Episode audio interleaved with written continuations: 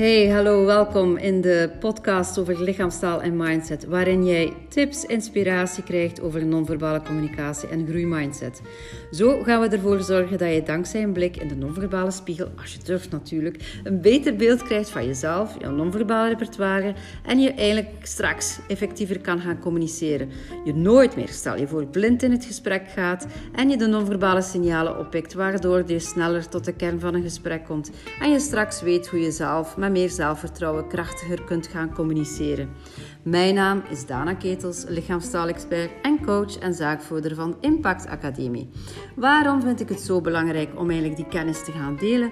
Omdat natuurlijk meer open communicatie zorgt voor meer authenticiteit, meer echtheid in het gesprek en we eigenlijk op een betere en veerkrachtige manier met onze uitdaging kunnen omgaan.